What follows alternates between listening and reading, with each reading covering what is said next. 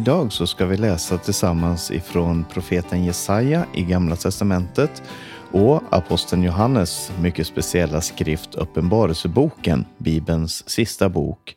Och med de här två för ögonen så ska vi se hur Gud är en mästare i att bryta människors förväntningar och göra det totalt oväntade. Jag heter Paulus Eliasson och du lyssnar på Radio Maranata.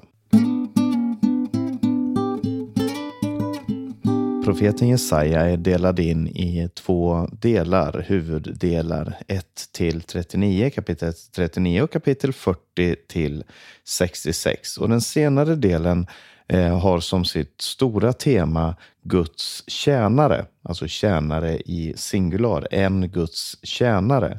Och vem den här tjänaren är, det utreds i den här boken. Och det är som ett mysterium som sakta träder fram och som sakta blir tydligare ju längre man läser den här boken, särskilt fram till kapitel 53, som mellan 40 och 53.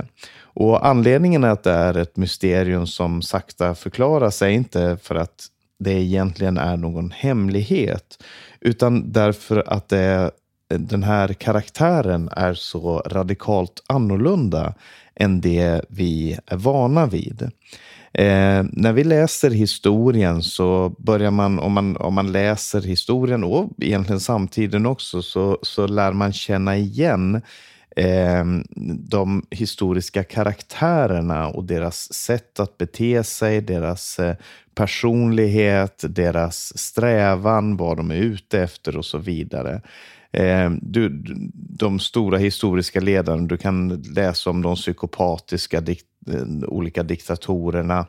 Eh, du kan läsa om företagsledare med megalomani. Du kan läsa om kungar som är maktgalna. Och Du kan läsa om religiösa ledare som undertrycker och, och härskar över människor.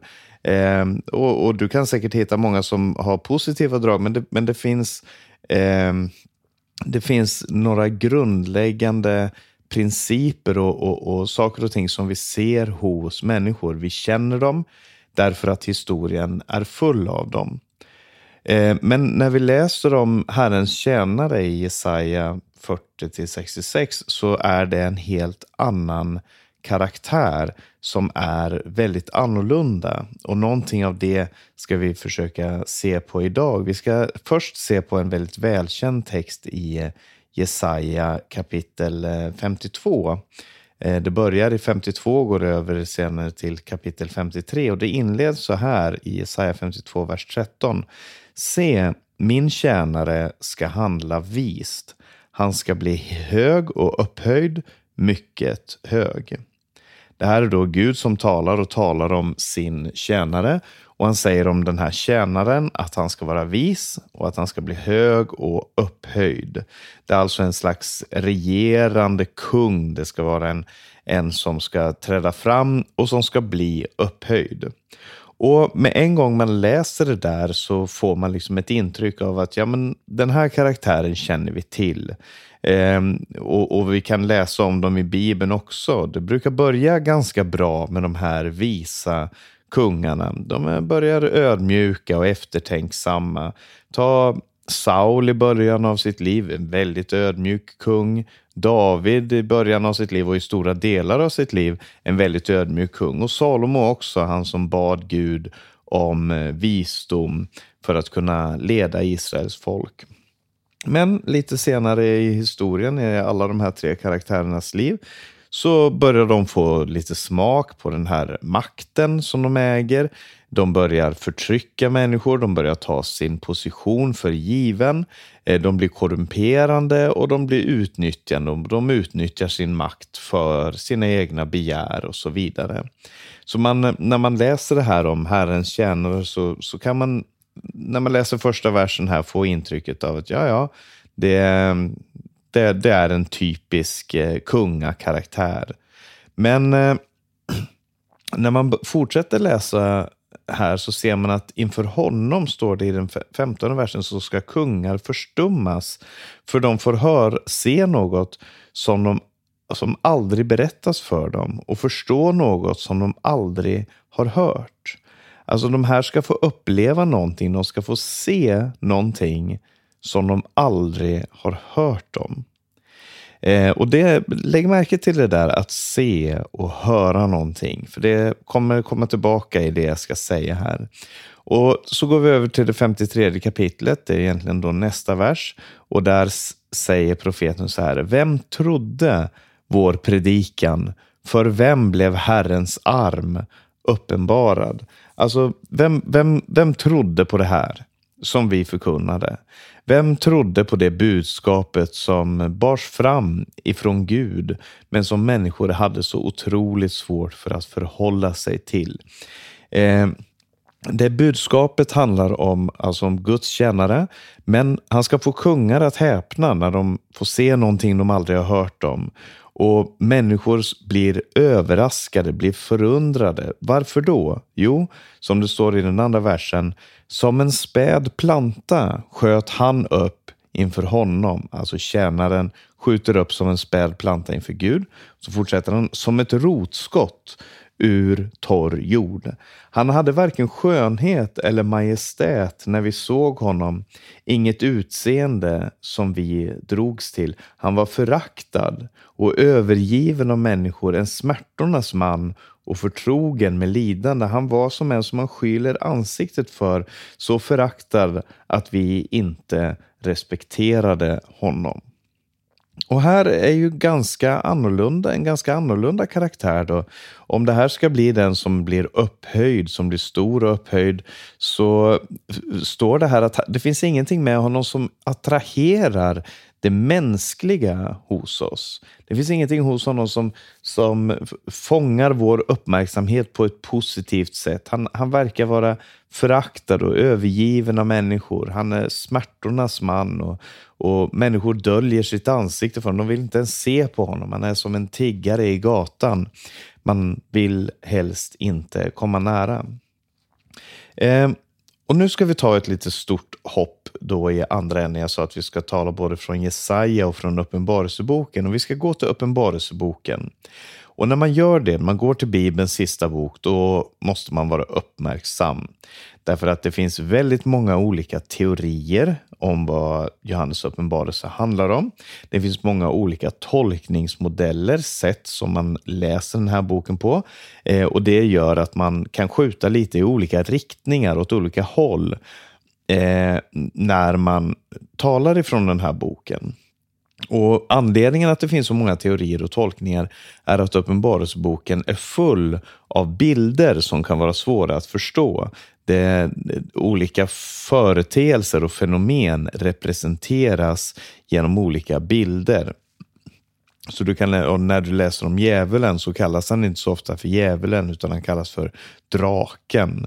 Och, och, när du läser om statsmakten så, kallas, så talar han inte om romarriket utan han talar om vilddjuret och så vidare. Och, men ett sätt att förstå eh, Uppenbarelseboken är att för, först och främst förstå vem det är skrivet till. Eh, Uppenbarelseboken är skriven till förföljda församlingar som levde i den här dragkampen mellan att bli uppslukade i världen eller uppslukade av världen. Och det jag menar med det är att om att bli uppslukad i världen är alltså att bli så konformerad, så likriktad, så, så eh, eh, ja, och bli precis som alla andra, att det förlorar sitt unikum, då blir man uppslukad i världen. Men å andra sidan, så, så när man tog ställning mot det som hörde till den här världen, så riskerade man att bli uppslukad av världen genom förföljelser, genom, eh, genom stats, eh, statens förföljelse mot de kristna. Och Domitianus hette kejsaren i Rom, om det här uppenbarelseboken är skriven, då de flesta anser att den är skriven. Men Johannes, han får en uppenbarelse där han får se Herren sitta på sin tron. I eh, Uppenbarelsebokens fjärde kapitel så står det, jag såg en dörr stå öppen i himmelen och eh, han får komma upp dit och han ser en tron stå i himlen och någon sitter på tronen. Så budskapet i Johannes uppenbarelse är att Gud är suverän och Gud har behållit sin makt även under de svåra situationerna. Eh, och i det fjärde kapitlets åttonde vers så står det om eh, de här eh, olika väsena som finns i himmelen som representerar både skapelsen och Guds folk och allt möjligt. Som ropar ut Helig, helig, helig är Herren Gud allsmäktig. Han som var och som är och som kommer. Så trots att eh, eh kejsaren sitter i Rom så är det Gud som är allsmäktig. Eh, och så De här varelserna de prisar honom som sitter på tronen och de lägger ner sina kronor inför honom och säger värdiga du, vår Herre och Gud, att ta emot lov och ära och makt, för du har skapat allt. Genom din vilja kom det till och blev skapat. Här ser vi att Guds värdighet, Faderns värdighet, Gud den allmäktiges värdighet kommer ifrån att han har skapat allt. Han är värdig att ta emot lov, ära och makt därför att han är skaparen. Och så kommer vi till det femte kapitlet. Där står det om att att han som sitter på tronen, han har en bokrulle i sin hand.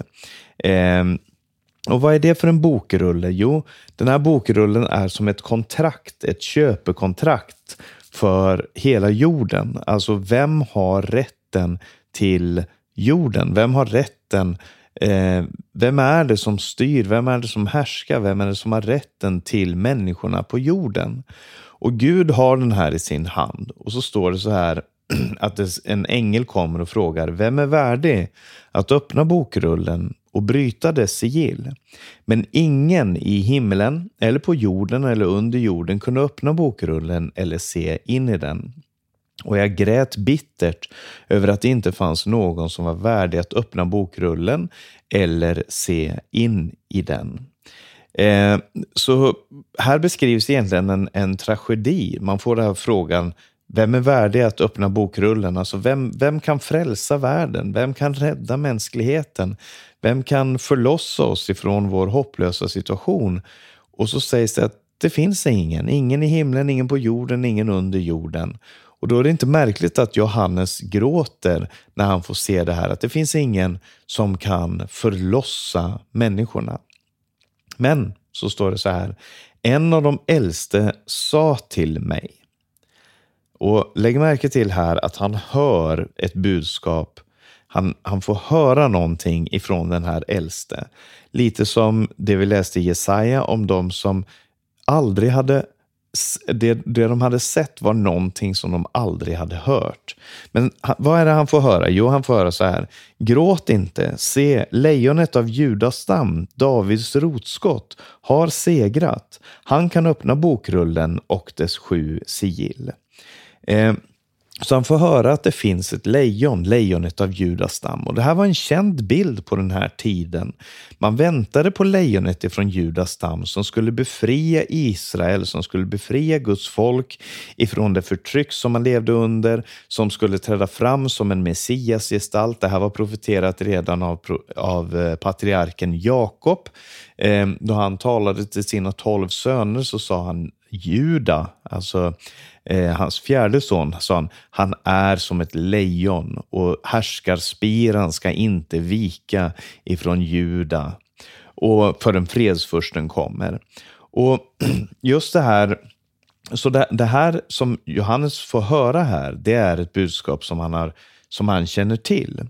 Men sen så står det i den, i den sjätte versen så här. Eh, och jag såg och nu får han se någonting som han aldrig har hört. Han säger, jag såg i mitten mellan tronen och de fyra varelserna eh, och de äldste stod ett lamm som såg ut att ha blivit slaktat.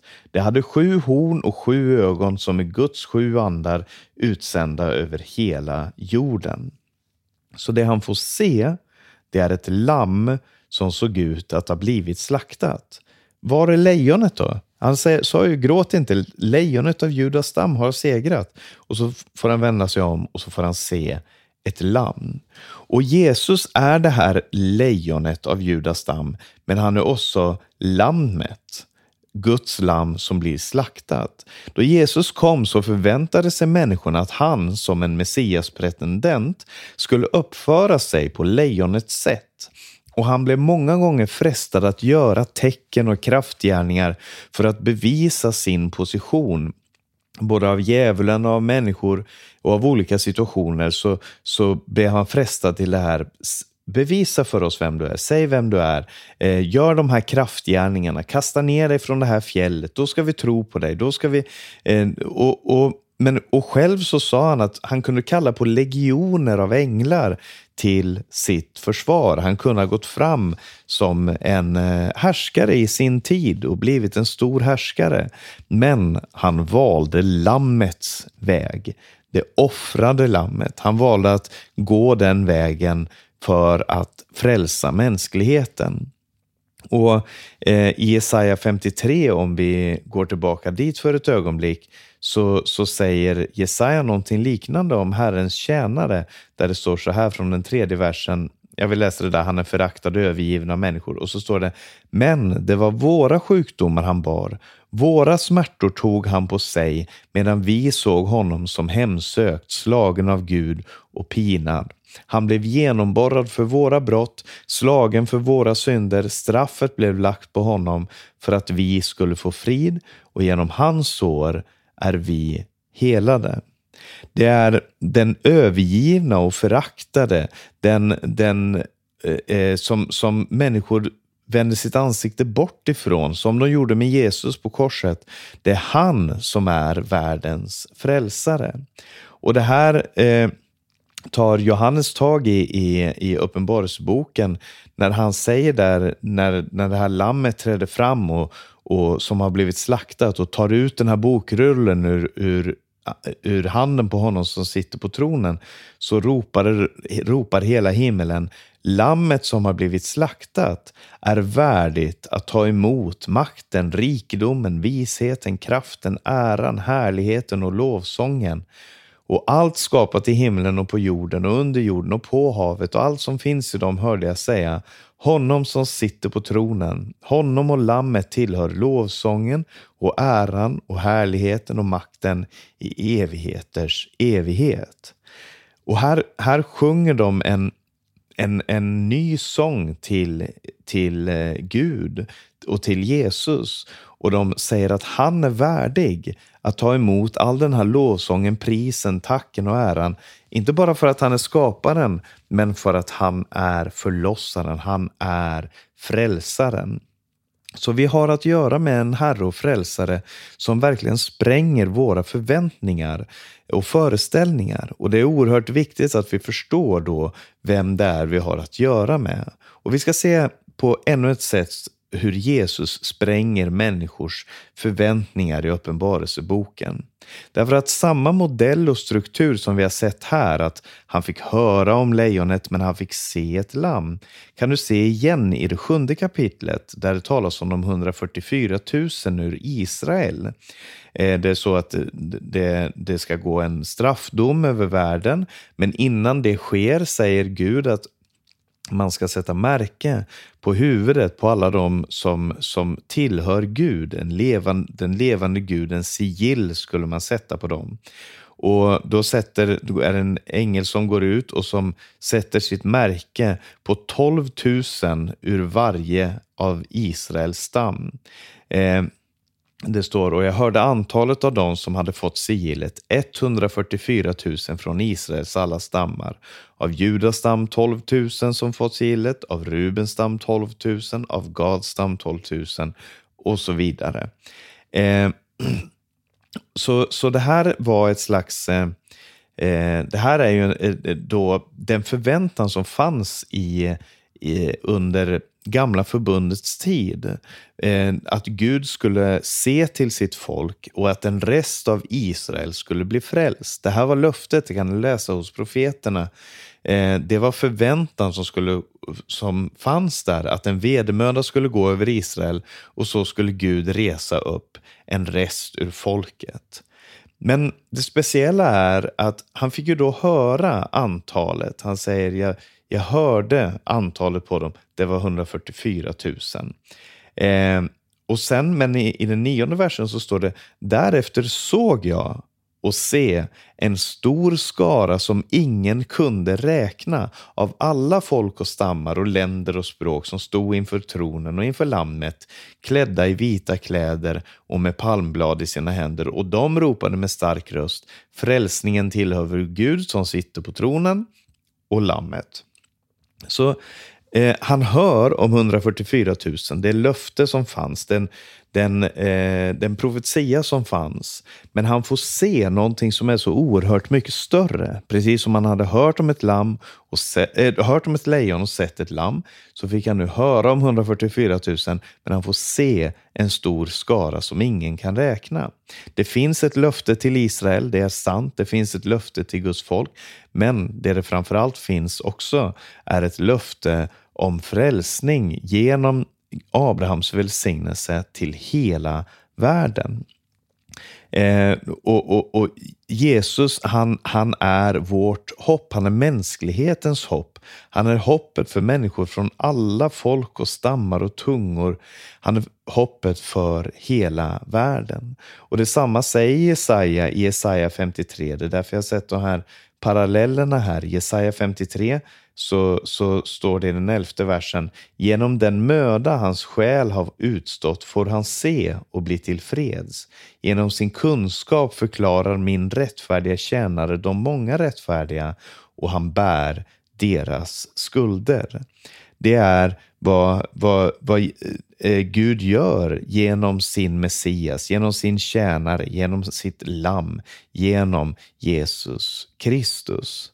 Och Gud vill världens frälsning. Det är det den här texten lär oss. Han vill att hans frälsning ska nå ut, att nåden ska nå ut till flera människor. Han vill att eh, människor ska få uppleva att gå från, till att bli en del i den här stora vita skaran som står inför honom och lovprisar honom. Men vad är då det här? Är det bara en teori? Eller betyder det här någonting för oss idag? För att det här kan ju vara en teori bland många andra teorier. Det här kan ju vara ett sätt att lägga ut texten som du kanske är enig eller oenig i. Men betyder det någonting? Det jag skulle vilja säga att det betyder framför allt, det är att Gud är annorlunda.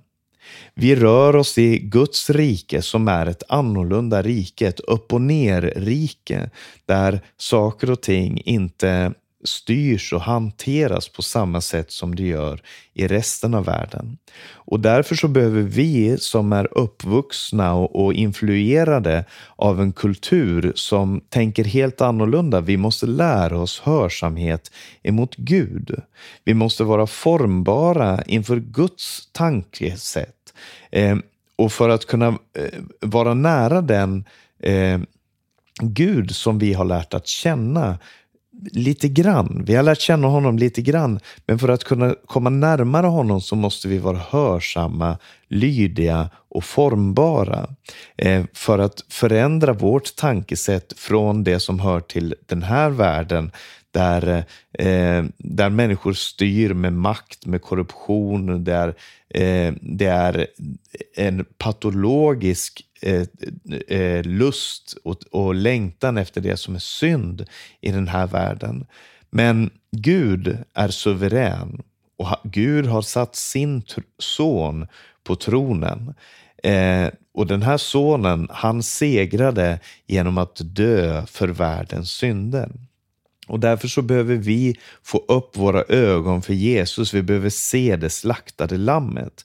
Vi behöver se och förstå korset. Vi behöver se och förstå korset och dess kraft, dess förvandlande kraft även för våra liv.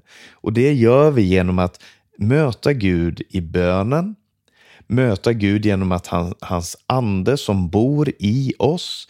Vi möter Gud när vi läser hans ord i Bibeln. Vi möter Gud när vi har gemenskap med syskonen. Vi möter Gud i brödsbrytelsen, gemenskapen över bordet. Och till syvende och sist så handlar det här om att vi behöver lära oss på vilket sätt som Guds makt är verksam. För att i den här världen så, så eh, tänker man på ett annat sätt och vi måste se att det finns två olika eh, det finns två olika lag, eller det finns två olika sätt att leva eh, som vi som kristna behöver förhålla oss till. Och Det ena är det sättet som den här världen styrs, som är influerat och styrt av draken som Johannes talar om i Johannes uppenbarelse, vilddjursmakten å den ena sidan och lammets makt å andra sidan. Vi, vi behöver lära oss på vilket sätt som Guds makt är verksam och bli formad av det. Och det är en makt som inte är verksam genom svärd och vapen utan genom ett kors där man ger sig själv, där man utblottar sig själv för att Eh, eh människor ska få uppleva en förvandling i sina liv. Guds ord driver oss mot Jesus och Jesus förvandlar oss. Amen. Vi ska alldeles strax lyssna till sången Se Guds lam som min fru Camilla Eliasson sjunger. Men jag ska först ge några avslutande avannonseringar här.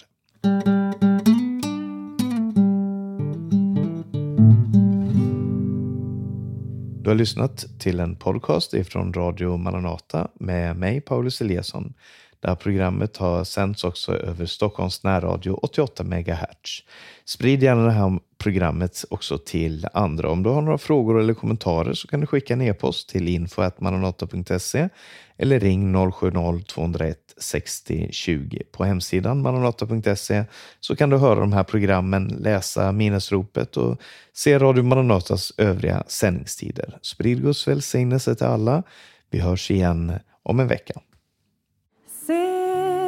Guds lam, jag ser till